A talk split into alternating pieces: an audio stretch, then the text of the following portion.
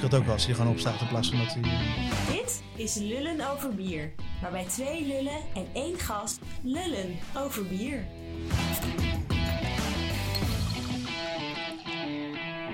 En daar zijn we weer met een nieuwe aflevering van Lullen over bier. En vandaag live vanuit Eindhoven. We zitten bij... Van Mol. Kijk, heel goed. En we hebben vandaag een andere sidekick dan Jeroen. En dat is Eh, Jasper, wederom. Jasper Borgdorf Oh, van ja. eh Taplokaal Gist onder andere. Dat is correct. Waarom eh, ben jij hier Jasper? Eh, ik, ik kreeg een appje van eh, Ronald van Streek. dat hij weer een, nieuwe sidekick nodig had. En, eh, Weer een nieuwe De sidekick. was, uh, was versleten of zo. Ja, dat die wel een die- beetje. Die is aan het integreren in Thailand, naar het schijnt. Nee, die is lekker op vakantie. Ja, en eh, die eh, gaat straks ook gewoon weer werken voor zijn geld. Dus die heeft overdag niet zoveel tijd meer. Dus eh, gaan we eens met wat andere mensen Brouwen- lullen over bier. Brouwers hebben, hebben het overdag altijd tijd, toch? We kunnen tijd maken, toch? Zo simpel is het. Ik, ben, ik, ik zie mezelf niet als brouwer meer inmiddels, dus dat is eh, erg jammer. Ehm, jij kwam naar me toe, Erwin, tijdens de, de brouwdag voor de ALS Collab. Ehm, en jij zei, Ronald, wanneer gaan we lullen over bier? Ja, ik vind het altijd leuker om te lullen over bier. Nou, en, er zijn wel een paar dingen die... eh, er zijn altijd al dingen die me opvallen, maar dingen waarvan ik denk van, die mogen ook wel een keer gezegd worden. Ja, maar je had echt wat op je kerfstok. Of eh, hoe noem je dat? Ja, nou, laat ik, laat ik met één ding beginnen. Wat ik Ja. wil zeggen is dat, dat, dat ik... er gaat nou van alles gezegd worden. Leuk. Soms moet je, moet je overdrijven om een punt te maken. Dus dat zal volop gebeuren, denk ik. eh, dus daar moeten mensen ook maar doorheen luisteren. Soms moet je gewoon eh, iets- sterker dingen aanzetten. Wat ik vooral ook wil zeggen is dat vroeger niet altijd alles beter was. En En als je het hebt over vroeger, hoe lang geleden heb je het dan over? dan heb ik het over bier, eh, misschien zelfs maar een paar jaar. Wat ik, Ja. denk, de- de- de- ik denk in Nederland sowieso vijf, zes, zeven jaar ongeveer. En misschien de ontwikkelingen waar ik dan iets van vind. Misschien wel zelfs twee jaar. Dus uiteindelijk Zullen, we- zullen we eens beginnen met eh, wanneer zeggen, jij dus dan begonnen bent? elke- wanneer deze elke- geschiedenis voor jou begon? niet elke verandering is een verbetering. Dat is mijn punt denk ik vooral wat ik direct wil maken. En daar mag je het over hebben. Oké. Wanneer ik begon met, met brouwen bedoel? Nou ja, hoe ben jij erin gerold en wanneer begon de geschiedenis voor jou? Ik, eh, ik heb twintig jaar muziek gemaakt. Ik altijd mijn boterham mee verdiend. Was ik op een gegeven moment klaar mee. Ook omdat mensen muziek kunnen downloaden. Dus ik dacht, ik moet iets hebben wat, eh, wat je niet kunt downloaden. en dat is bier. En ik was op die, op die tijd, dan heb het ook een keer, denk ik over acht, acht jaar geleden of zo, ging ik al veel naar bierfestivals. De, eerste Boris ben ik nog bij geweest, kan ik zeggen. Ook wat festi- festivals in het buitenland. Ik, ik kwam vaak in Glasgow omdat ik daar voor muziek kwam. En daar kwam toen eigenlijk voor het eerst een Brewdog bar eh, in, in de stad. Toen dacht ik van, nou ja, misschien zit daar eigenlijk wel iets in. In dat bier, dat vind ik eigenlijk wel lekker. Dus misschien moet ik het eens proberen te gaan brouwen. En ik denk zoals veel eh, brouwers die er nu in Nederland zijn, of die vroeger brouwer zijn geweest, Ronald, die, eh, eh, die zijn begonnen door thuis te brouwen. Ja. En dat heb ik eigenlijk wel meteen heel fanatiek gedaan. Want ik dacht, als ik het nou leuk vind, dan wil ik ook gewoon eh, elke week, elke week brouwen deed ik gewoon. Dus ik had meer bier dan ik eigenlijk met mijn vrienden kon opdrinken.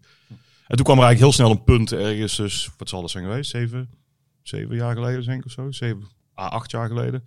Dat ik dacht van ja, als ik, nou, als ik ooit iets mee wil doen, dan moet ik het gewoon nu doen. Want nu ben ik in ieder geval hier in Eindhoven zeker de eerste. En in Nederland misschien een van de eerste. Dus toen heb ik maar gewoon sprong, sprong gewaagd. En samen met Jaap zijn we een broederpub begonnen. Onder het mom van als we het zelf optappen, dan hoeven wij ook niet zo heel veel liters te hebben. En dan kunnen we er toch een boterham aan verdienen. En, Ja. dat, en dat klopte. En daar zitten we nu. Ja, mooi. Ja, precies. Maar ja, je doet niet alleen maar bier, bier meer voor hier brouwen. Nee, want op een gegeven moment kom je dan heel snel erachter dat we hebben volgens mij drie maanden lang... eh, na drie maanden had- hadden we geen bier meer op tap, omdat we het gewoon zelf niet bijgebrouwen eh, kregen. En toen hebben we op dat moment eigenlijk de keuze gemaakt, waar ik nog steeds achter sta, van dan gaan we een paar bieren gewoon huur brouwen. En dan doen we hier gewoon alle leuke dingen. En dan hebben we een paar hardlopers, eh, die brouwen andere mensen voor ons, volgens het recept. Want brouw je hier nu ook nog in de Nee, nee, we brouwen nu eigenlijk in, in Weert bij de brouwschuur al onze specials. Oké. Maar dat is puur een afweging, omdat het een dag werk kost. En ja, als ik hier een dag werk sta te verrichten of, eh, of in Weert, dan, ja, dan heb ik toch tien keer zoveel bier. Dus. Ja, dat is waar. Maar dat is niet alleen voor hier dan. Ook. Inderdaad- nee, nee, voor het merendeel wel nog steeds. Want uiteindelijk tappen we, ja, we zijn nog steeds een van onze eigen beste klanten, denk ik. Eh, Maar ondertussen gaan die fusten ook naar andere plekken, ja. En wat sprak je zo aan in het begin dan aan die craft beer scene? Je zegt, ik kwam in Engeland, ik zag een brewdog bar, eh, dit gebeurde, dat gebeurde. Nou, ten eerste, En, ook- en ook misschien wel in het brouwen zelf. Wat sprak je aan? Brouwde je telkens hetzelfde bier? Of ging je juist zoveel mogelijk verschillende Nou, soorten bieren brouwen? Of- Allebei, want ik las al wel al die boekjes en ik heb ook nog een cursus gevolgd wel en zo. En wordt altijd natuurlijk gezegd van, ja, probeer eerst maar eens hetzelfde bier twee keer te brouwen. Dus daar daar heb ik altijd gedacht van, oké, dat moet ik dan wel kunnen. Ik bedoel, het is altijd, je kunt wel elke week iets anders brouwen, maar het is ook goed om te kijken om een recept te ontwikkelen. Dus, maar, ik, maar het creatieve sprak me er wel heel erg aan. Ik was natuurlijk gewoon iemand die uit de muziekwereld kwam, dus uiteindelijk wou ik ergens een creatief ei kwijt kunnen. En eh, nou ja, kantoor is dat toch niet zo leuk als dat je zelf iets bedenkt en maakt. En, Nee, dat en- herken ik heel en, erg. en bij het brouwen hoort natuurlijk, bij het brouwen, ik, jij zegt ik ben geen brouwer meer, maar ik, Nee, ik zie het dan als gewoon in een brouwerij eh, werkzaam zijn. Ik stond vanochtend ook Ja. gewoon eh, een fust eh, thuisbrouwsel af te vullen hoor, dus wees niet bang. Ja, maar daar hoort dus ook recepten bedenken bij. Er hoort ook iets namen bedenken, artwork mee overdenken, plannen smeden voor festivals. Deed dat ook al toen je alleen hobby brouwde dan? Bedoel je? Was dat ook al onderdeel van Ik je had hobby? al een, dat je zegt, ik moet een label maken. En ik Ja, moet, zeker wel. Ja? Ik heb als thuisbrouwer ook wel wat flessen hier in de horeca al verkocht. eh, die, ja, dat, mocht, Oh. oh, dat mocht toen Mm. niet nee, natuurlijk, maar het gebeurde wel. dus ik had al eigenlijk artwork. Ja, die flessen hangen hier trouwens ook. Dat zijn vind ik nog steeds hele mooie etiketten, maar ze waren gewoon op grote schaal niet te doen. Nee, precies. Het waren hele smalle verticale etiketten. Dus nog steeds heel stijlvol vind ik. Beetje wat Brewdog met die, die serie. Die abstract-serie. Ja, precies. Ja, die Ja. hebben dat daarna. Die Ja, ze waren maar- hier, ze zagen het, ze dachten, Ja. dat kunnen wij ook wel een keer. Ja. Typisch Brewdog. Maar wel zo'n etiket was het eh, in ieder geval, ja. Nou, zal ik eens even een foto van maken en dan zullen we Ja. de socials erbij knallen. Ehm, toen, eh, hier natuurlijk geopend. Hoe lang geleden is dat? Vijf jaar Dat is nou, eh, nee, dat is, eh eh, oh jee, dan ben ik het in 2013 zijn we geopend. 2013 hier geopend. Zeven jaar alweer. Zeven jaar geleden. Jezus. Ja, weet het nog wel. Time flies. Ja. Ja. One year having fun. Dat is zeker waar. Ja. Maar nu minder fun de laatste twee jaar? Nee, helemaal niet. Nee, nee, want in die zin, het, het is nog steeds heel erg, eh, heel erg veel eh, fun hoor. Maar het is wel zo, ik, ik, ik heb afgelopen zomer een collab tour door Engeland gedaan. Hè, rondgereden bij allerlei brouwerijen. eh De Magnificent Yes. Five, Seven, Six? seven, seven. Seven. En nou ja, daar, daar signaleerde ik al best wel wat. Als je ziet, al die brouwerijen, je hebt ze, dat was, waren brouwerijen die misschien vijf, zes, zeven jaar geleden eh, heel nieuw waren. Zoals Buxton, zoals Siren, zoals Wild Beer Company. En de nieuwe garde die er dan bij hoorden. Hè. De, YLM. maar ja, hoewel Wylam nog veel la- langer bestaat. Maar die zijn Oh ja? natuurlijk gewoon, eh, die zijn helemaal gerebrand een paar jaar geleden. Maar dat, dat is een hele klassieke brouwerij namelijk. Die heel Oh. erg, die zijn alleen, hebben een ander spoor gekozen. Maar wel bijvoorbeeld North is, was nieuw natuurlijk. Northern Monk eh, heel erg nieuw. En, en dan zie je daar al een soort eh, ja, verschil in tussen die brouwerijen. Leg eens uit. Nou, wat, wat, wat, wat, wat, eh, wat, wat, wat grappig was sowieso, was dat ik met, met, eh, met Dave, Dave van Wylam, de eigenaar, aan het kletsen was. En die, eh, die bleek ook een muziekgeschiedenis te hebben in de jaren negentig. eh, eh. Geldt dat, Zelfde geldt- genre of niet? ja, 90% nou ja, zeker wel. Want hij had een, Jij deed je techno, toch? Of? Onder andere, Ja. maar van alles. Maar als, als, er maar, Groove. als, er maar, als er maar geen gitaar in zat, dan maakte ik het. Dat had een goede partner in Jaap gevonden hier. eh, die Ja, toch ja, wel dat is- aardig van de, Ja, van de gitaar houdt. ja. Maar hij had in ieder geval een drum en bass label en hij eh, organiseerde parties, bla bla bla. Dus nou ja, toen we dat ontdekt hadden, toen kwam er natuurlijk een heel... eh, ken je DJ, eh, wat was jouw naam? Nou, ik, hij heeft een van mijn favoriete drum en bass platen uitgebracht, Ah, kwam ik, eh, wow. kwamen we achter. Dus dat was heel erg leuk. Maar die was, toen vertelde ik ook van, wat ik net vertelde, waarom ik dan uiteindelijk bier ben gaan maken. En toen zei ik erachter ook van, ja, het leuke van de, van de brouwscene in het begin, en dat, denk dat dat voor veel scenes wel geldt, is dat het nog een... Ja, het deed me heel erg denken aan de muziekscene uit de jaren negentig. Alleen eh, ga je... eh, ja, ga je naar mekaars festivals en daar worden dan ook line-ups zelfs tegenwoordig genoemd. Alsof, het, Mhm. alsof het een soort muziekfestival is. Je gaat naar het buitenland om, eh, eh, om bier te brouwen samen. Ik bedoel, uiteindelijk... de- de- en het soort... Nee, dit herken ik wel. Ik Ja. herken ook sowieso... on- ik heb geen muziekgeschiedenis. Ja, ik zat vroeger bij drum- en showband Combrio. Eh tamboerist was ik. Maar eh, dat valt compleet buiten de scope van dit verhaal. maar eh, ik herken wel dat... dat wat meer over. De andere keer. Ehm, wat, wat ik wel herken... Trouwens, Sander was trompetist en mijn Oh. vader sousaphonist. En Oh, eh, mijn andere broer eh, trombone. En mijn zusje, je mag het raden, Marjarette. Ehm wat dat betreft heel klassiek. misschien bijna wel Brabants. eh. Ja, ja. Maar wat ik wel herken is bier. Ik heb het heel vaak vergeleken met muziek uitbrengen. Want Ja. als brouwer sta je heel je hart en ziel sta je in een bepaald bier te rammen. Eh, je, al je creativiteit gaat daarin zitten. En opeens wordt het gereleased. Ja. Misschien wel net als een album. En dan moet je maar afwachten wat de mensen ervan vinden. Wat de critics ervan vinden. Wat nou ja, de wereld ervan vindt. Het hele proces is zelfs hetzelfde. Want je begint met een eh, creatief eh, uitspatting, idee waar je begint. En, en op een gegeven moment wat, wat je dan hebt met het brouwen, eh, dat noem ik dan maar het produceren en het masteren. Dus uiteindelijk gaat het ook heel erg om de, de, de, de details en het processen goed doen. Wat bij muziek precies hetzelfde is uiteindelijk. Maar bij Ja. bier, en dat is natuurlijk denk ik onderdeel van, van, je, van, je, van je ergernis. Bij bier vraag je je zeker tegenwoordig denk ik af in een redelijk drukke markt. ehm, bij je creatieve uitspatting. Kan ik dit ook verkopen? Ja, want dan komt het punt wat ik nog eh, wilde maken over het verhaal met, met Dave Keur. Eh, Ik weet niet, ja, je hebt meerdere Daves bij Wylam, maar in ieder geval de eigenaar van Wylam. Die, eh, ik zei ook van ja, de, de muziekscene leek heel erg veel op de craftbeer scene, maar zoals het eigenlijk altijd gaat. ik zei het dan het Engels natuurlijk. You only have a number of years and then the Swedish House Mafia turns up. En daar moest hij heel erg om lachen. Die gaan we even erin mixen nu, dat is wel lekker. En ik zei, ja, nou ja, en ik vermoed dat dat bij Craft Beer ook gaat gebeuren. Ik zei, misschien is zelfs de Swedish House Mafia er al wel een beetje... Dat was natuurlijk een beetje teasend gezegd. Maar wat ik dus... punt was, dat ik, ik was daar bij brouwerijen, dus die brouwerij als Buxton, wat ik een geweldige brouwerij vind, die ook en die slecht, ook al best slecht lang, verkopen. toch? Siren, wat me tot mijn verbazing de grootste van al die brouwerijen was zelfs. Maar die voelen gewoon heel erg de hete adem van... eh, eh, van die zijn al... Ja, die zijn al, al niet meer nieuw eigenlijk Nee, natuurlijk. zeker niet. En, en ze, ze voelen dat ze mee moeten komen met, met de nieuwe honden die eh, eigenlijk allemaal die eh 44 centiliter eh, blikken doen met graphic designs en hazy IPA's. En als ze, dat, als ze daar niet in meegaan, dan tellen ze al bijna niet meer mee. Ja, en, maar en dus merk je gewoon, want ik heb geprobeerd bijvoorbeeld om een saison te brouwen bij die collab, kreeg ik niet voor elkaar. Nee, ging de sales- de en en iedereen zegt, doe mij Ja. maar een IPA. En, en in vergelijking met een paar jaar daarvoor, want ik ben al vaker in Engeland geweest, was dat echt een verschil. Je merkte gewoon dat de sales teams blijkbaar het vonden dat er bepaalde bieren moesten worden gebrouwen. En eh, als, als Buxton een porter wilde brouwen, dat hebben we trouwens wel gedaan. Maar dan was dat al veel lastiger. Want daar werd al veel meer naar gekeken en al veel meer van, oké, wij moeten ook mee. En we, moet, en we willen vooral de boot niet missen. En, eh, en dus waren ze ook allemaal bezig natuurlijk met blikkenlijnen. En, eh, want, want anders krijg je het bier al helemaal in Engeland niet meer verkocht. Maar is dat dan wat je bedoelt ehm, te zeggen van eh, eh, niet elke ver- vernieuwing is een verbetering? Ja, kijk, het, het, het, dingen eh, zijn natuurlijk nooit zwart-wit. Maar ik zie wel een soort risico op dit moment in de krabbierwereld ontstaan. Dat eigenlijk iedereen zo naar diezelfde, zijn staart achterna aan het rennen gaat. Dat we uiteindelijk maar drie stijlen overhouden. En dat het zomaar zo kan zijn dat als die stijlen eh, minder populair worden, dat gewoon bier minder populair wordt. En dat mensen de- denken van, oké, nou ik heb genoeg van die hazy IPA's. Ik ga niet een saison drinken. Nee, ik ga gewoon weer pils drinken of ik ga een eh, hard seltzer of weet ik wat er dan op dat moment eh, eh, Hard seltzer moet je voor de gemiddelde luisteraar denk ik nog even uitleggen. Dat is nog niet zo bekend. Ja, dat is het in Amerika dan eh, begrijp spa, ik. spa rood met alcohol. Ja, precies. Ja, met fruit. Met fruit ja.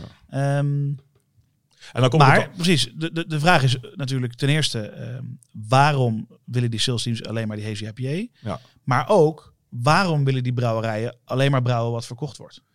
dat vind ik dan inderdaad, dat doen wij dan. Nou ja, ik, ik geloof nog wel heel erg in dat je als brouwerij ook ergens voor wilt staan. Dus dat je uiteindelijk natuurlijk, natuurlijk weer iets verkopen of iets maken wat verkocht wordt, want anders staat het in het magazijn. Maar, maar ik geloof niet dat het sterk is om trends te volgen, alleen maar om, omdat je bl- blijkbaar zelf dan geen idee hebt waar je wilt, eh, wilt neerzetten. Maar je ziet dan toch dat, kijk, bij brouwerijen en zeker brouwerijen als Buxton of Siren, het gaat gewoon natuurlijk toch om, om, om eh, veel mensen die daar werken, om veel investeringen. Dus uiteindelijk zit daar natuurlijk ook een, een, een grotere drang op dan bij ons misschien om te verkopen. En, Ja. En je hebt natuurlijk gelijk, ik bedoel, wat, waar, waar, begint, waar begint het mee? Wat is de kip in het ei in dit verhaal? Kijk, omdat een brouwerij een bepaalde grootte wil hebben en daarop gaat financieren en investeren. Ja, zeker. Daarom komt die drukte natuurlijk op. Ja. En, ehm, Maar ook, omdat het wel heel erg trendgevoelig op dit moment is, denk ik. De- en als je niet met die trend meekomt, dan, dan hoor je in ieder geval al niet bij die brouwerijen die, eh, nou ja, die er dus nu allemaal in schap staan met die voor mij eigenlijk redelijk, redelijk identieke designs op blikken. Maar wat je nu vertelt, dat gaat een beetje over de Engelse markt. Heeft de Engelse markt niet ook een beetje een traditie met bittere bieren? Ja, maar ik heb het, dat is, dat is misschien dan, dat, dan, het gaat mij niet om bittere bier, want het gaat mij juist erom, want dat, dat is dan een ander punt dat ik daar wel aan wil maken. Dat ik denk dat die stijlen die dus nu eigenlijk iedere brouwerij bijna die eh, hip is of wil zijn, brouwt. Dat zijn eh hazy IPA's, dat zijn pastry stouts en Ja. een, een sour met, met op zijn minst fruit, eh lactose, vanille ja. of lactose of Ja. eigenlijk allemaal. Ja. En dat zijn allemaal, vind ik, kindersmaakjes.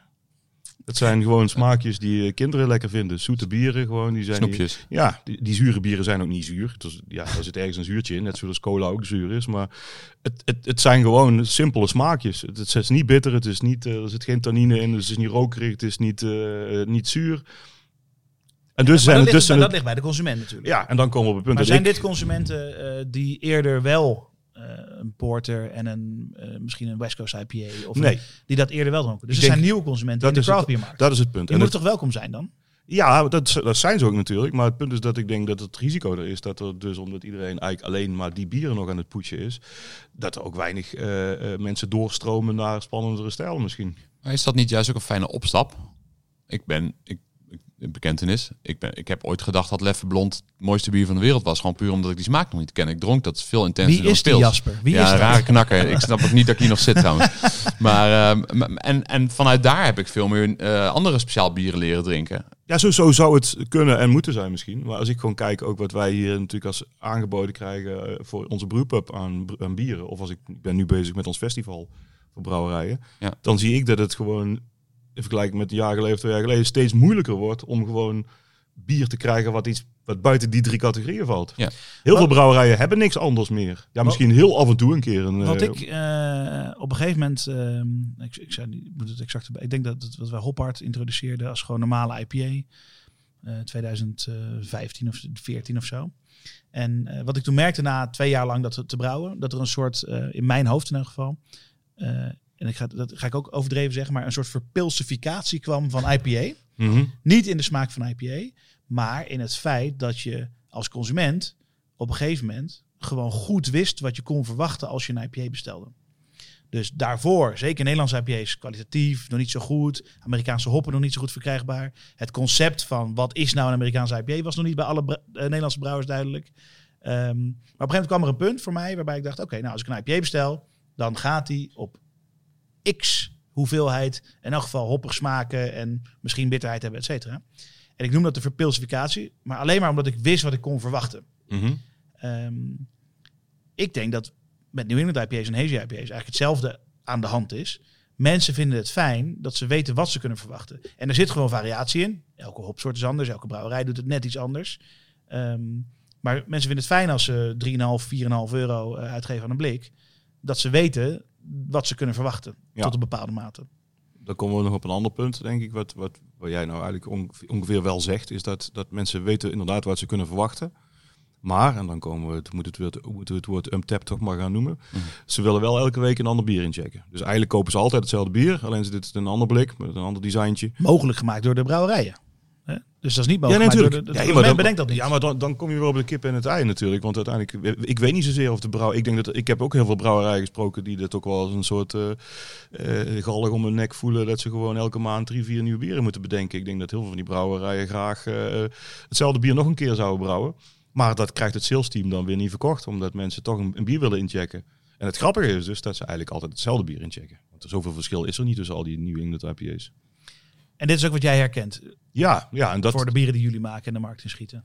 Nou, wij hebben het, het geluk en het ongeluk dat we wel een hele sterke core range eh, hebben. Dus die, die, die waar denk ik heel veel brouwerijen eh, wel jaloers op zijn. In de zin van dat we weten gewoon dat dat altijd doorloopt.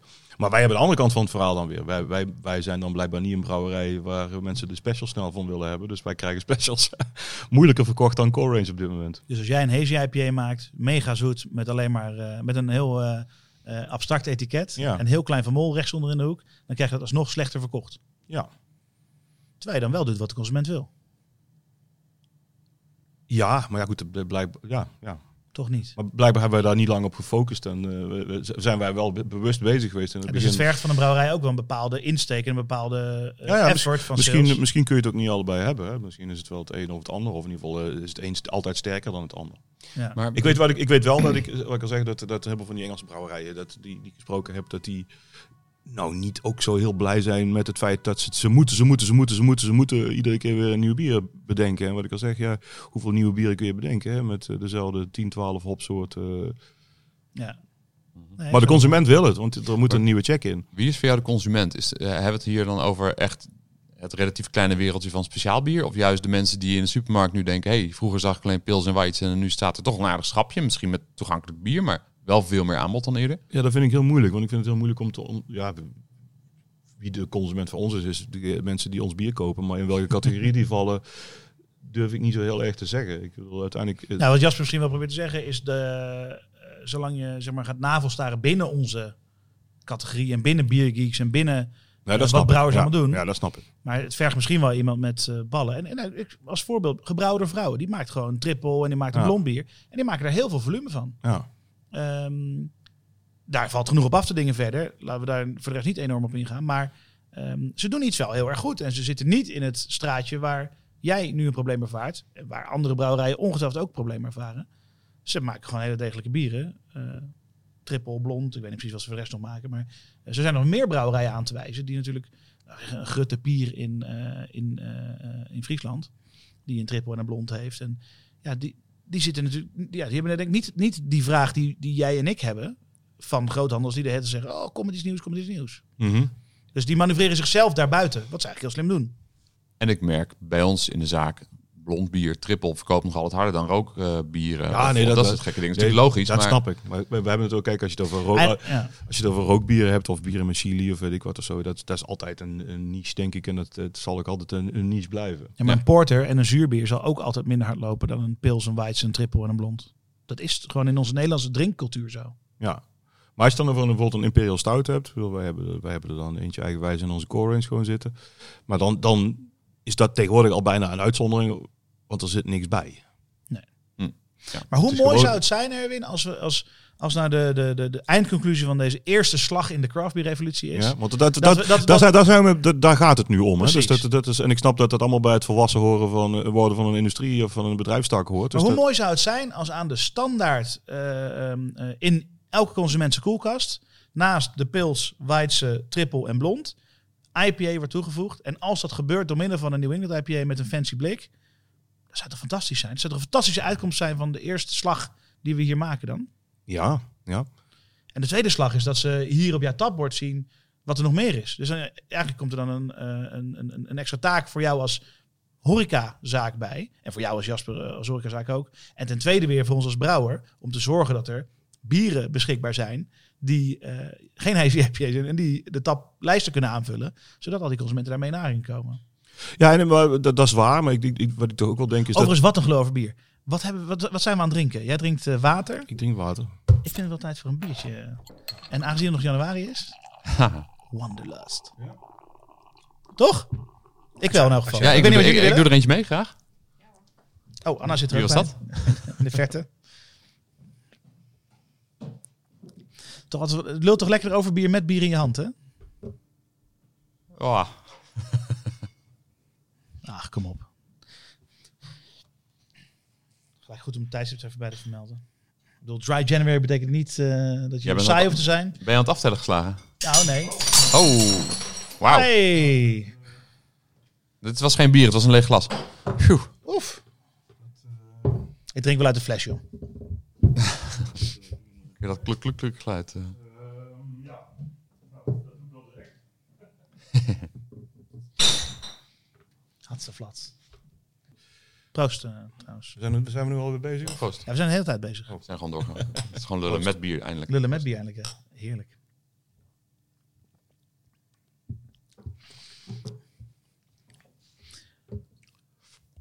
Ja, dubbels. Dubbels, eh, die brouw jij niet omdat eh, dat te moeilijk eh, binnen één hokje te vallen is. Of... Omdat het heel weinig ingrediënten heeft en om daar iets interessants binnen te doen zonder er weer inderdaad iets raars aan toe te voegen. Maar dat is toch juist knap? Ja, dat is ook knap. Dat is ook niet zo makkelijk. Nee. dat is helemaal niet. Ik denk een goede dubbel maken is, is heel moeilijk. Ja. Maar is dat dan niet juist interessant om te gaan proberen? Omdat je kan laten zien dat je goede brouwer Ik bent. heb In plaats van allemaal dingen toevoegen aan New England IPA's Ja. en Ik PSV heb er wel een aantal geprobeerd, maar ik ben daar nog steeds niet zo tevreden over. Dat ik denk, die moeten we nou eens in een blikje fles doen. Hm. Ja, ik had pas wel een gek idee weer, maar dan wordt het weer een gekke dubbel. En dan krijg je dubbel gevoel erbij. Hop, jongens. Nou, we in deze ochtend. Maar Ja. we, hadden, we hadden nog even over een, een tap, want dat vind ik toch een interessant eh, Ja. fenomeen eerlijk gezegd. Een fenomeen waar we, wat in Nederland ook wel volgens mij het populairste van heel Europa is. Ja, klopt ja. Volgens mij... By dat-. En, en misschien, ik weet niet, dat stimuleert dan toch de soort postzegelverzamelaar mentaliteit eh, in de Nederlander die erin zit of zo. Waar ik wel echt een hekel aan heb, moet ik eerlijk zeggen. Wat, Probeer eens voor te stellen dat je naar de bakker gaat. Dat je een app tevoorschijn pakt en dat je zegt van... eh, bakker, is dat de speld croissant eh, 2019 of ja, maar, dit, 2020? maar dit is natuurlijk wel... Zeg dan, brood, brood dan, is- dan hoef ik hem niet, want dan Ja, heb ik hem al brood is wel meer een commodity. Dus je moet op een gegeven moment ook, je moet niks, maar er zijn heel veel mensen die wel brood eten, ook om gewoon te eten. En ehm, je kan prima zonder bier. Het is een eh, vermaak, het is een genotsproduct. Ehm, er zijn natuurlijk tal van mensen die wel hun wijnen bijhouden op een app. En er zijn tal van mensen die bijhouden op een app bij welk restaurant ze gegeten hebben. En die geven daar een rating aan. Ja. En er zijn tal van mensen die in de foodsector een bepaalde hobby hebben om dat bij te houden en te raten. Als we hem weer trekken naar muziek, tal van mensen die gewoon nadat ze naar een concert geweest zijn, Ja, is dat zo? een review ervan maar, maar eh, schrijven. dat, we- ik, ik geloof, nee, Niet de gemiddelde concertbezoeker, dat zeker niet. Ik had daar bij muziek nog niet zo over bij stilgestaan, maar ik, ik, anders ben ik er helemaal niet van op de hoogte, maar ik kan me niet voorstellen dat mensen bij muziek de neiging hebben om alles wat ze horen eh, te gaan beoordelen of zo. Ja, zijn zat mensen. En dan ook nog eens een keer daarna besluiten van, nou heb ik het gehoord, dan hoef ik het niet nog een keer te horen. Nee, oké. Nou, daar, daar maak je wel een punt natuurlijk. Eh, wat je bij muziek natuurlijk nu ziet met Spotify is dat eh, dat wat het meest gedraaid wordt, krijgen nog meer mensen te horen in playlist en in, in algoritmes, Ja. et cetera. Ehm, dus, dus daar wordt het meer met een algoritme in de war geschopt misschien. Eh, maar je hebt natuurlijk wel mensen, als je naar een concert zou kijken, zullen, ik denk als je, als je duizend man in een zaal zet, dat er toch zeker tien mensen zijn die daar een review van om, om, eh, opschrijven op een forum of op een, weet ik veel, Google of eh, waar, waar dat tegenwoordig kan, op podiuminfo.nl of whatever. Mhm. Ehm, eh, dus, dus er zijn altijd wel behoeftes, denk ik, van mensen. Dingen waar ze een identiteit aan hangen. en, en die ze voor hun genot doen, om dat te raten. Het is natuurlijk niet zo dat de gemiddelde consument in Nederland met een tab staat te kijken wat ze gaan kopen. Nou, Dat bij ons, bij, ons, bij in het café zie ik toch heel veel mensen met, met een telefoon naar de binnenkomen. En, Ja. ja. En is dat ook bij een café, eh, zeg maar gewoon een bruin café om de hoek? ja, daar kom ik niet, dus dat weet ik niet. Nee, maar goed, waar komen de meeste mensen bier drinken in Nederland? Is dat in craftbeerplekken? Is dat in eh Van Mol? Is dat in Taplokagist? Is dat in Nee, maar dat, dat, whatever? daar heb je een punt. Maar ik, eh, dan, dan geeft dat vooral aan dat ik denk dat, dat op dit moment een tap wel de industrie drijft. En dat vind ik dan een vervelende... Als jij zegt van oké, de, de massa doet daar niet aan. Dat is misschien waar. Maar importeurs, distributeurs, winkels, Ja. horeca en brouwerijen... die laten zich wel beïnvloeden door een tap. Oké. Dat is wel waar. En ik denk één van die redenen is dat feit dat ze dus elke maand eh, vier nieuwe hazy IPA's willen brouwen. Is omdat gewoon eh, er ingecheckt moet worden. En mensen willen een nieuwe inchecken in plaats van dezelfde. En het feit dat distributeurs en horeca mensen en grote handels tegenwoordig steeds meer eh, een tapscoretjes achter hun bieren zetten. Terwijl iedereen weet hoe die dingen werken. Want ik uiteindelijk weet je dat je met een session IPA nooit een hoger punt hebt. En eh, maak maar iets van 10% en eh flikker er een potje Pomona smaakstof in. En je moet je best doen om niet richting de 4 te gaan. Dus het zegt ook niet zo heel veel. Maar het, wordt wel gebruikt en er wordt wel naar gekeken. Door iedereen, denk ik. En als, dat, ja, als jij eigenlijk zegt van ja, dat zijn eigenlijk alleen maar een paar uh, uh, craftbierliefhebbers of geeks of hoe je het wil noemen en de massa doet het niet. Ja, dan laten we dus ons met z'n allen wel door iets drijven wat eigenlijk nergens op slaat. Is het niet heel logisch dat, we hebben net geconstateerd dat de Nederlandse craftbeer in een jaar of zeven tijd van nou bijna nul, iets minder dan, of iets meer dan nul, naar hoe het nu is, is opgebouwd. Heel, heel veel gebeurt in een hele korte tijd. Ja. Is het logisch, eh, volgens mij is het logisch dat een consument misschien wat meer tijd nodig heeft om die Ja. stappen te gaan maken. En Dus eigenlijk Eh, economisch gezien heb je gewoon een, eh, een, een soort herstel op de, op de grafiek, zeg maar. Een natuurlijke... Ja. En het is heel goed om kritisch naar je collega's te kijken in, in- die wel midden in de craftbeer scene zitten. Maar ik denk dat de grote winst uiteindelijk kan worden behaald door gewoon het publiek veel groter te maken. Maar dat kost ook Ja. tijd. Nou, en, ik, en ik denk, eh, want ik, dat, kijk, ik wil het niet al te negatief zijn. Ik denk dat het gewoon belangrijk je is. mag negatief zijn, En het- absoluut. uiteindelijk gebeurt dat wel, wellicht wel gewoon al uit zichzelf. Dat, er, dat, dat, er- dat zowel brouwers als consumenten eh, gewoon ook, eh, nou ja, eens een keer wat anders proberen. Ja. En een keer, en weer moet je open doen, want er wordt weer bier ja, geleverd. volgens weer, mij wordt er nu dus weer, van die, weer van die nieuwe dingen uit Ja, Amerika, zodat we allemaal weer eh, kunnen tikken en inchecken. Ja, waarschijnlijk wel, ja. Ik denk dat hij nu aan het bellen is. Nee, ik denk dat hij mijn eh, compagnon Jaap gaat. Oh, Dus dan is niks Veel beter. Ja. Eh, nou ben ik kwijt waar we waren. Maar ik denk dat, dat, dat vooral de boodschap is inderdaad van... oké, er, is, er is in de bierwereld meer dan die drie stijlen die we net noemden. Eh, en uiteindelijk eh, hoop ik dat brouwers zelf inzien dat ze misschien... eh, nou ja, dat het, ook, dat het ook aan hun is om gewoon... misschien wel weer een keer die porter of die saison te brouwen. Of, eh, en die ook eens een keer in een hip blik te doen om te kijken of die mensen die daar gevoelig voor zijn... of die dat gaan drinken.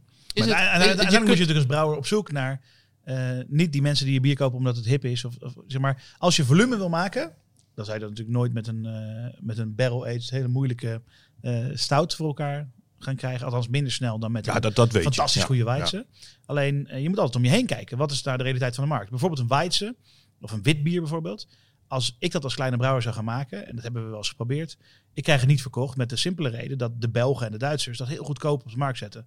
Een Blanche d'Amour is volgens mij eh, één fus en dan krijg je een fus gratis, terwijl het eerste fus Ja, nog maar precies. 50 euro kost. Dus eh, ja, daar, daar ga, ga ik geen wit bier met een leuke twist eh, tegenover zetten. Eh, dat hebben we geprobeerd, dat werkt niet. Ehm, maar binnen die markt, het is ook zo dat bijvoorbeeld voor een hoppig bier meer geld wordt neergelegd. Ja. Gewoon door de consument. Ja, op dit moment is het wel zo. Dat vind ik ook altijd wel een grappige constatering. Dat als je eh, gewoon eerlijk kijkt wat er denk ik gemiddeld per liter in de supermarkt voor wijn en voor bier wordt betaald, wordt er voor bier meer betaald. Ja, dat is wel waar. Als je erbij stilstaat, eh, is dat dan Is eigenlijk dat een zo? raar verhaal. Vergis, je, nou niet, je dat, je niet dat er heel veel eh pils gewoon op verkocht wordt? Nee, maar ik heb, het, nou, dat, dat- ik heb het dan nu even over alles wat geen pils is. Dat, dat- alles wat in de supermarkt staat, wat op En welke wijnen crafting- eruit?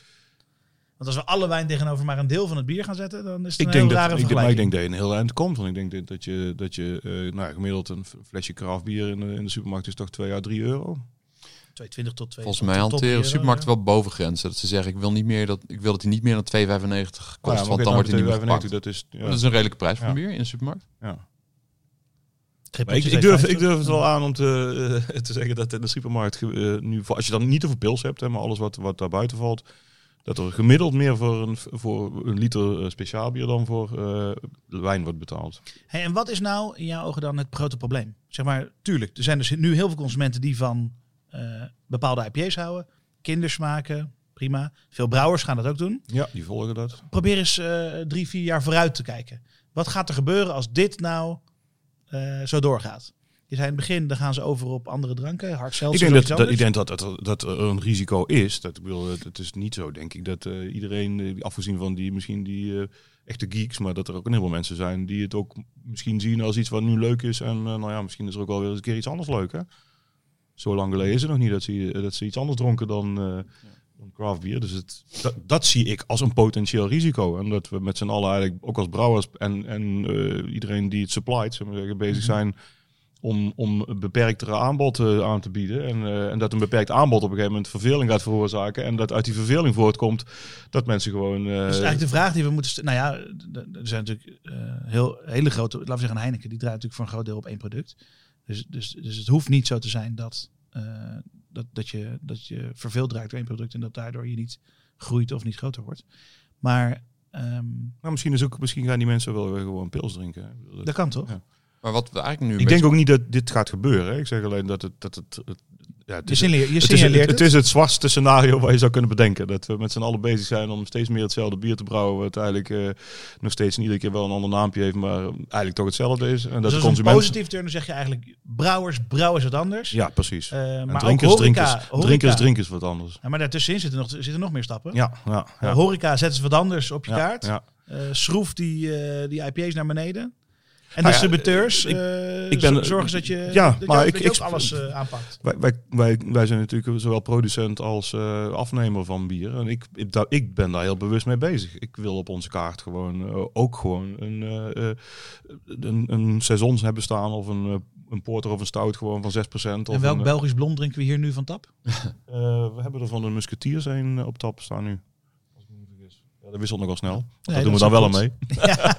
Maar wat we net constateerden is dat er zijn brouwerijen die gewoon alleen een blond en een triple maken. Er zijn brouwerijen die zich heel erg toeleggen nu op New Ja. England IPA's. Is dat niet de nieuwe realiteit? Dat brouwerijen niet meer een heel breed scala aan verschillende stijlen gaan maken, maar zich juist focussen op één of twee, misschien drie biertypes en dat zo goed mogelijk willen Nee, leren. maar als dat zo zou zijn, dan zou er ook een brouwerij zijn die alleen maar porters maakt. En een brouwerij zijn die alleen Ja. maar trippels maakt. Ja, sport En niet wat- een wat Erwin- bierstijl wat- die heel erg veel verkocht wordt. Dus Nee, dat oké, is maar niet Erwin denk de ik wel eerste terecht waar je aan denkt. constateert, is dat... eh, wat is dit? Dat weet ik niet. Het alarmsysteem gaat aan. Iemand zijn laptop. Ja. maar- Ehm, nee, wat, wat Er- Erwin wel terecht constateert, er zijn nu veel meer brouwerijen die op de Hazy IPA gaan focussen. Zelfs brouwerijen, ik denk in Nederland, een mooi voorbeeld, eh, Moersleutel. Natuurlijk in het begin heel hard geknald met een kleine installatie op barrel aged en dikke stouts. Mhm. En nu ze wat groter zijn, zie je dat ze aan de makkelijke verkoopkant voor de Hazy IPA's gaan. Zijn Ja. super lekkere bieren, hè? daar denk ik helemaal niet op af. Maar dat, dat, maar dat, het is niet zo dat ze ze daar gaan evalueren op de andere tak die ze ook hebben. Waar wat traditionelere bieren, de Zomerdijkbieren... eh, Nee, maar nog maar steeds dat- hebben zij een heel smal scala in stijlen. Maar dat is mijn punt wel een beetje, wa- wa- wa- inderdaad wat ik bedoel. Want zelfs, ik, ik heb het grootste respect denk ik voor brouwerijen als Buxton en Siren.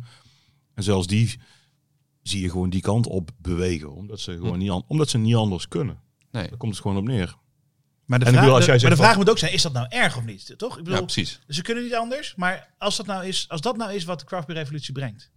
Dat we met z'n allen ehm, een heel mooi nieuwe bierstijl hebben. Die veel hoppiger is dan wat we er ooit, voor ooit op hadden. Dat dat de standaard wordt. Is dat, is dat, is dat Dan is, de, dan is de Swedish House Mafia gearriveerd. Oké. Ja, nee, dat vind ik mooi. Leg eens uit jouw aversie tegen de Swedish House Mafia. Dan probeer het in muziek. Nou ja, kijk, ik, ik, ik kom dus uit de muziek zoals ik al zei. Dus ik bedoel, uiteindelijk stond dat voor mij voor alles wat de hele muziekwereld waar ik uitkom gewoon kapot gemaakt heeft. Want commercieel, want Ja, eh, te ja. goed? Of eh, Nou ja, gewoon eh, te inderdaad luisteraars? het, het, het, het, zoete, het zoete bier van de muziek, hè? Ja, Gewoon makkelijk, makkelijk, uit. makkelijk te verhappen, eh, commercieel eh, eh, eh, eigenlijk. massa, massa muziek. En, en daar geldt ook voor. Ik bedoel, uiteindelijk is misschien dit ook. eh, Ja, het, zal het veel eh, bedrijfstakken of industrie overkomen. Dat eh, op een gegeven moment, als, als dat ontdekt is, dat die formule om het eigenlijk zo commercieel mogelijk weg te zetten, dat het heel lastig is om daar nog tegenwicht tegen te bieden. Maar dat ga je toch altijd in een volwassen industrie hebben? Ja. Er zijn mensen die voor het grote geld gaan en alles willen maximaliseren. En er zijn mensen, daar zit ik nu denk ik mee aan tafel, die uit een liefhebberij zijn begonnen. En, ehm, Nou, dat is één, dat is één heel groot dat, verschil. dat moet hun drijfveer blijven. Ja, maar dat is één groot verschil natuurlijk als je het over die, die hazy IPA's hebt. Want ik heb trouwens niks tegen hazy IPA's, want ik vind ze af en toe ook lekker. Nou, naast Die heel veel Wanderlust andere is ook best naast- hazy en ook naast- hartstikke ja, lekker. naast een heel veel andere stijlen. Maar dat ze natuurlijk zo duur zijn om te maken, dat Ja. we, niet, we hoeven niet bang te zijn dat eh, de Heinekens van deze wereld in de hazy IPA's gaan duiken. Want dat, eh, dat kan helemaal niet. Nou, zelfs de pogingen tot IPA's zijn nog niet al te best. Nee. eh. Dus in die zin is het niet de, de- de- het gouden ei wat de hele wereld gaat veranderen, omdat het gewoon te duur is om te maken en te kort houdbaar is, bla bla bla. Heineken gaat gewoon op een gegeven moment een brouwerij overnemen die daar heel goed in is en die nieuwe IPA's maken. Ja. Dat, dat is een verwacht tactiek. nu wel veel van Heineken, vind ik. Maar eh, Nou ja, ik wil dat ze best influisteren. Het lijkt me dom als ze het niet doen. Ze willen een compleet portfolio aanbieden. Dan heb je hem gewoon nodig op dit moment. Ja, maar ik denk toch wel het dan over, over Heineken hebben, maar Heineken geldt dus ook voor InBev of eh, AB Miller of eh, weet ik wat. Dat, Tiger. dat ik die, eh, die, die, ik geloof niet dat zij hazy IPA's de, de wereld over gaan verschepen. omdat het ook, ook nog eens een keer bieren zijn die je binnen een paar maanden moet drinken. Dus uiteindelijk is dat voor hun denk ik en duur en heel kort houdbaarheid. Houdbaar, dat is niet een soort niet, formule. op een pil staat ook maar een half jaar houdbaarheid. Daar zijn ze juist wel goed in, toch? In die snellere distributie. Ja, dat is waar. Wij lopen allemaal te kloten met een paar pelletjes porter die we, waar we een half jaar over doen om te verkopen. Ja. Terwijl zij te lang eh, vergeten zijn het bier wat ze een half jaar geleden gemaakt hebben. Ja, ik zou het wel grappig vinden hoor, als Heineken een hazy IPA zou maken. Ja, liefst eh, non-alcoholic hazy IPA in een blik, in een niks zeggend blik met een of ander vage wolk erop. dat zou natuurlijk als een tierenlier lopen. Zou ook leuk zijn als ze een soort van 1 april grap doen. Dat ze doen alsof er een nieuw craftbiermerk is. Dat het uiteindelijk, nou ja, dan Dat het Heineken blijkt zijn. Ja, dat zouden ze zelf maar wat graag willen, denk ik. Ja, nou, misschien luistert er Misschien, iemand mee. eh, misschien bestaat het al. Misschien weten bestaat we- het al, weten we het weten we gewoon het gewoon nog. Ja. Auw. Als we nou eens de, de positieve kant pakken. Ja. Want jij zegt, nou, dit is wel de, de zwartste kant die ik kan bedenken. Ja. Wat is dan de positiefste kant? Nou, de positieve kant is, wel- is wat er al gezegd wordt, dat het een, gewoon een fase is waar je gewoon denk ik doorheen moet. En dat het, eh, nou ja, dat er op een gegeven moment, eh, dat het veld zich weer verruimt en dat er weer andere bieren populairder gaan worden. En dat eh Hazy IPA is één van de, misschien wel een van de populairdere, maar één Ik van vind het wel de... interessant. Ik ben ook wel benieuwd eigenlijk nu naar, eh, laten we zeggen, de Amerikaanse brouwerijen. Of die zich ooit in de greep hebben gevoeld van de West Coast IPA. Dat ze, eh, zeg maar, de, eerste, de eerste groep, die laten we zeggen in de jaren 90, jaren, eh, zeg maar halverwege jaren 90 dan starten. Op de backbone van de gasten die in eh, zeg maar midden 80 eh, gestart zijn. Of die het idee hadden dat die allemaal American Pale Ale en West Coast IPA moesten brouwen. Om te groeien en om te Ja, bestaan. ja, ja. Ik ben heel benieuwd of dat zo is. En uiteindelijk is er dan toch weer een soort vrijspel gekomen. En dat, ja, of, of, of het nou gewoon marktbeweging is, of dat het Je zit wel met een andere schaal. Hè? Amerika is natuurlijk veel groter. Dus je hebt eh, lokaal een veel groter afzetgebied dan in Nederland. Ja, er zijn, kijk, die... Maar niet per se met meer mensen. Nee, maar als eh, wij in Utrecht een bier van, van Mol drinken, dan zeggen we dat komt uit Eindhoven. En in Amerika zou ze dezelfde afstand van een uurtje rijden. zou gewoon lokaal betekenen. Ja, maar Nou, dat, zelfs- is, dat, zelfs dat is, wel, dat is binnen Europa eigenlijk natuurlijk ook lokaal. Maar- Nederland is, is lokaal. Ja. Maar in, in Amerika heb je nu al een soort, eh, dat was een mooi woord, volgens volgens mij hyperlocal of zo. Hè? Dat eh, vertelden die mensen van eh, Old Hickory op Boref die er waren. Die zeiden van, ja, eigenlijk is, is het in Amerika nu zo. Je hebt natuurlijk een paar merken die gewoon eh, wereldwijd, of statewide of zelfs landing verkopen, maar er zijn er heel weinig. Maar de meeste brouwerijen, die zijn al niet meer local als ze gewoon het bordje van eh, de stadsgrenzen voorbij rijden. Ja. En dan is het eigenlijk al niet local genoeg meer voor de mensen die er buiten eh, bier drinken of bier verkopen. Maar dat is natuurlijk hier uiteindelijk eh, het mooie wat jij hier hebt natuurlijk. is, Je hebt die kans om helemaal terug te gaan. Stop met alle distributie, stop met brouwen en Ja. weert, stop met brouwen Ja, bij de proef. ja. Eh, zet, hier, zet hier beneden een iets groter keteltje neer. Ja, ja. En ga weer terug naar hyperlocal. Ja. En eh, ga alleen maar hier brouwen. Maar het is niet zo dat ik daar nou meteen van denk van dat eh, is een heel slecht idee. Nee, toch? Nee. En dan moeten mensen hier eh, doosjes bier aan de deur halen. Dat is Dan sowieso vet. het, Dan eh, krijg je een beetje treehouse eh, ja. midden, midden in de stad Eindhoven. Ja, nou ja, dan heb je ook dingetje. Ja, dan, dan moeten mensen dus komen, willen ze het bier drinken. Dat is best leuk. Ja, Maar het beste wat hieruit kan komen, als we het dus positief bekijken, Ja. is dat straks de Asia IPA die die nerderige vriend van je drinkt, de gateway wordt tot se- saisons, porters, eh nou ja. Berliner Weisses. eh, Ja. Nee, dat is, dat is absoluut waar. Want ik wil die, die, die, die- ik, ik zeg zo, eh, kindersmaakjes. En dat vind ik ook wel dat het zijn. Maar het zijn, je kunt ook zeggen, het zijn dus inderdaad natuurlijk de instalbieren van nu. Hè? Ik bedoel, dat, eh, dat was misschien vier, vijf jaar geleden was dat nog... Ja, want zoet... was dat nog een IPA die, precies, want eh, denk die terug- NL of zo, ik noem maar wat. Of Maar de, denk eens terug aan de, aan de, aan de tijd voor... of de Vedette IPA zelfs, als een. Ja, die, nou goed, maar die, dat... kwam, la- ja. die kwam volgens mij na de mooie Nel. Maar ehm, de- de- laten we eens terugdenken aan de tijd voordat die hele craft beer revolutie tussen aanstekens begon. Ja. Eh, wat, toen was het natuurlijk ook zoet, de smaak. Hè, ik bedoel, ik, dronk, ik weet nog dat ik een Grimberg eh, triple of zo dronk ergens in België. Nou, Ja, ver ja, voor de zeker. craft beer revolutie, maar zoeter, zoeter kon ik ze niet vinden. Nee, een bier als kwak en delirium en Nou ja. soort kauwgomballenbieren. Ja, dat, dat is Alle waar. Belgische bier. feitelijk. Ja. Ja. Maar daar is natuurlijk uiteindelijk eh, heel veel, ook in de biercultuur in Nederland, ook voor ons. Kijk, het feit dat wij als kleine brouwerij in Nederland ons werk kunnen doen, heeft te maken met dat er een bepaalde acceptatiegraad is van ander bier dan pils. Ja, Eh, en eh, ik denk dat we daar toch deels op voortbeduren met wat wij doen. Zeker. En ik bedoel uiteindelijk, eh, het, ja, als je de supermarktschap inderdaad vergelijkt nu met vijf, zes jaar geleden. Of eh, nou ja, bijvoorbeeld of ook steeds meer gewoon in, in bioscopen waar je eh, in één keer toch een ander bier ziet staan. Ik bedoel, de, er is nogal veel veranderd. Ten goede, vind ik dan ook. En ook het bruine buurtkroegje heeft tegenwoordig één of twee vrije taps waarop ze lokale dingen gaan gooien. Ja. Dat Ja. zie je ook steeds meer gebeuren. Ja, lokaal of mooi nou. Ja, ja nou ja, zo werkt het dan ook wel weer is inderdaad. er ook hyperlokaal. Ja. Mooi. Ben je, is je hart een beetje gelucht, Erwin? Ja, ben je blij dat je vanaf bent? Ik ben blij dat ik er vanaf ben. Dus, er valt een zware last van me af. Daar, ben ik, daar ben ik dan ook heel erg blij om. Ehm, Ik weet niet of we hier nou ook een eindconclusie uit eh, kunnen verbinden. Ja, ik ben, wel benieuwd, ik ben naar de reacties van de mensen. Of Ja. zij ook eh, vinden dat ze kindersmaakjes drinken of moeten brouwen. Misschien is het wel leuk om eh, misschien een, een actieve oproep van jou te horen van eh, brouwers, verenigt u en, eh, en doe iets anders. Wij gaan samen een porter als collab Ja, brouwen. zeker. Een Baltic Ehm, Porter zelfs. Een Baltic Porter, dat doen Ja. we voor de Craft Collab. Ja, precies. Ehm, dus eh, Craft als vereniging doet weer een hele leuke. hebben ze weer een trekking gedaan waarbij ze allerlei mensen tegenover elkaar uitspeelden. Wij mochten met elkaar brouwen. Ja. Dus wij moeten met iets anders komen dan een hazy IPA dit, dit jaar. Het wordt een porter.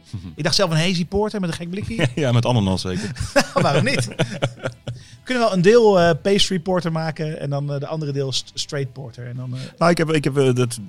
Wij stonden afgelopen jaar op Boras en vanwege tijdgebrek is dat weer niet gebeurd. Maar ik, ik had eigenlijk het heel leuk gevonden om eh, eh, op, onze bar van die mooie kleine doseerflesjes te hebben staan. Met eh, de smaakstofjes die in pastry saus zitten. dat En wel, dat je, gewoon, idee. en dat je daar gewoon onze normale stout kunt drinken. En dan kun je er een druppeltje eh, Precies, je wilt een vanille chocolate, chocolate kippie cookie of een, een druppeltje. een pipetje. Ja, of een druppeltje van eh mensen pekan, eh, pekan nutcake. dat het erbij. gewoon een doorzichtig spulletje is dat Ja. zo smaakt. En dat, dat je dat dus bij een gewoon bier gooit en dan is het in één keer twee keer zo duur. Nou, een leuke oproep gelijk voor Boris. Eh, zet, de, zet de pastry bar neer. Ja, de waar alleen maar de, de smaakjes eh, verkocht worden. zodat als je een IPA hebt, dat je er zelf een grapefruit IPA'tje van kan maken. Ook dat kan natuurlijk, ja. Mooi. Ja, ja.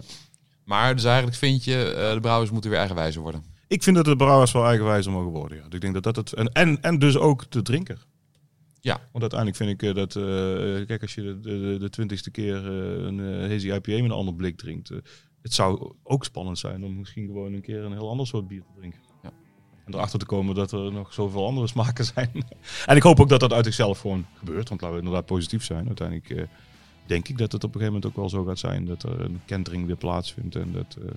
Ik- over, over hoeveel jaar gaan we dit eh, reviewen? Over twee jaar of zo? Twee jaar is al, Twee jaar? is al heel ver Dan weg. kijken wij... eh, En ik hoop ook een beetje dat er eh, ook, in- nou ja, dat er, dat, er- dat er, wat, dat er weer een soort iets meer hang komt naar wat core range-achtigere bieren. En dan hoor- hoop ik ook voor de brouwerijen die dus inderdaad. ik hoop voor de brouwerij dat ze in elk geval één bier hebben waar een groot volume op gaat. Ja. Dat is ja. ook voor de Maar brouwerij. ja, toch zijn er heel veel waar dat niet voor geldt. Hè? Nee, weet ik. En uiteindelijk, als ze dus inderdaad niet iets nieuws bedenken, dan verkopen ze ook niks. Nou, de mensen horen al een tijdje het outro. Oké. We hebben ook al één keer eh, Nou, wij bier bijna de stem gehoord. Ja, mijn bier is op. Ah, Eh, die van Erwin niet, maar eh, we kunnen nog best wel een biertje doen. Zeker, een echt biertje dan. Hè? Want Dry January is voorbij. Daar staat, daar staat er niet meer op zeker. Lullen over bier. Volg ons op Instagram en Facebook. Lullen over bier. Wat zei je nog over Dry January? Ja, dat het er voorbij is. Dus ik een echt biertje drinken. Het is er niet voorbij. Ah ja. Trouwens, een echt biertje. Dus, ik heb hartstikke veel bier op tijdens Dry January. Dat is trouwens wel, gisteren was dat dus wel echt voorbij. Dry January? Ja, hier bedoel ik, duidelijk. Oh, hier duidelijk. Ja, serieus? Benen buiten hangen gewoon. Ho, Dus ho. dat- Maar is dat... Dus, dus mensen hadden echt zoiets misschien gedacht van... Nee, maar je gelooft niet dat, dat, dat een rustige januari door Dry January komt? Ik denk dat het onbewust wel zo werkt. Nee, onzin. Niet dat die mensen allemaal geen alcohol drinken. nee, maar vroeger, vroeger voordat, voordat Dry January door iedereen gedaan werd, Ja. eh, werd, er in, werd er gewoon ook minder naar de horeca gegaan in januari, toch? Omdat A, het geld op is. B, iedereen heeft zijn vrienden en familie weer gezien. Eh, gewoon even geen behoefte eraan. Ja, toch vond ik het wel opvallend. Ook als het vergelijk met vorig jaar, dat het nog, wat, nog wat rustiger was. En gisteren leek er een soort startschot, want het was gewoon in één keer op dinsdag, eh, best wel voor ons begint de week dan.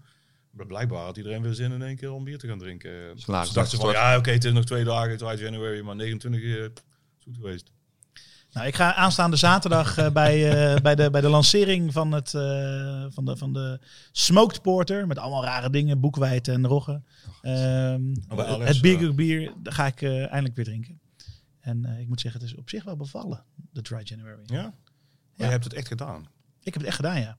Ik heb zelfs met Jaap in een hok gestaan in Delft. Eh, eh, vol gas feestcafé eh, georganiseerd. helemaal dry. Nou ja, dankzij de Wanderlust, de Playground, de, de Fruit Machine, de...